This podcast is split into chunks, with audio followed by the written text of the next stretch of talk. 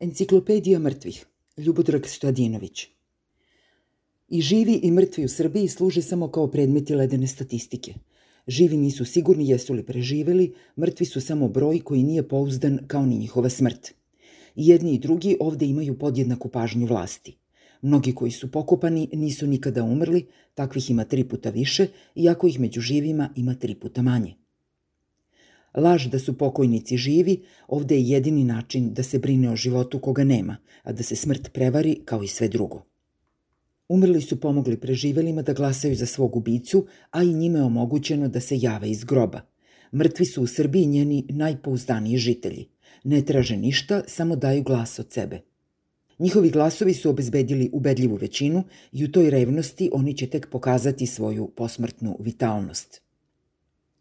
Ovde su i život i smrt velika tajna. Epidemija odnosila ljude jedinu u prisustvu vlasti. Da se život ne bi širio ulicama bez kontrole, gospodar zaraze ga je zatvorio u tamnice i zatorio u ključeve. Krizni štab je svakoga dana prepadao žive, a tešio umrle.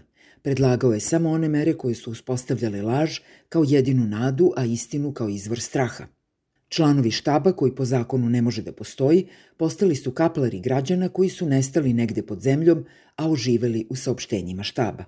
Nije zabeleženo da je bilo ko od umrlih opovrgao tvrdnju štaba koji ne postoji, da ne postoji ni on. Svaki od članova štaba je lagao da ne laže, svakoga dana krivotvoreći istinske smrti u živote bez dokaza. Tamničar, koji je diktirao tekstove dnevnih melodrama i skrivenih čitulja, bio je uveren da smrt ne ulazi kod utamničenih staraca. Iz kućnih zatvora stizali su glasovi podrške. Despote pozdravljaju te oni koji će umreti, ali tvojom milošću to neće biti zabeleženo. Bićemo tvoji onostrani. Dve trećine onih koji su nestali ponašali su se kao da su živi. Nije ih bilo ni među svojima, ni na grobljima. Krizni štab se ljutio na mrtve koji se nigde ne pojavljuju i tako nanose štetu zvaničnom saopštenju. Oni koji su umrli uprko skrivotvorenoj statistici naneli su štetu kriznom štabu i njegovim naporima da se mrtvi sakriju tako što će biti pokopani. Sa najvišeg mesta je stiglo obećanje da će biti tesna sva groblja ako babe i dede napuste svoje tamnice. Ljudi su zbog straha od gubitka mesta požurili da ga nađu. Niko ne voli da mu bude tesno. U razgovoru sa umrlima koji su preživeli, krizni štab je saznao da nigde nije toliko tesno kao na mestima gde je gospodar zaraze kopao. Kako su se primicali izbori, broj umrlih se naglo smanjivao, tako da pokojnici nikada nisu obavešteni o tome šta ih je snašlo.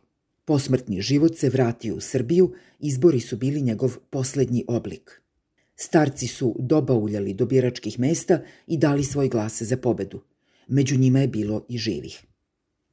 Pobednici bez protivnika proslavili su pobedu na elitnoj žurki uz razmenu pljuvačke i drugih prigodnih telesnih tečnosti. Odmah posle slavlja, zaraza koja nigde nije ni odlazila, ponovo se vratila. Ponovo je najavljen policijski čas kao vedri oblik predsmrtne slobode.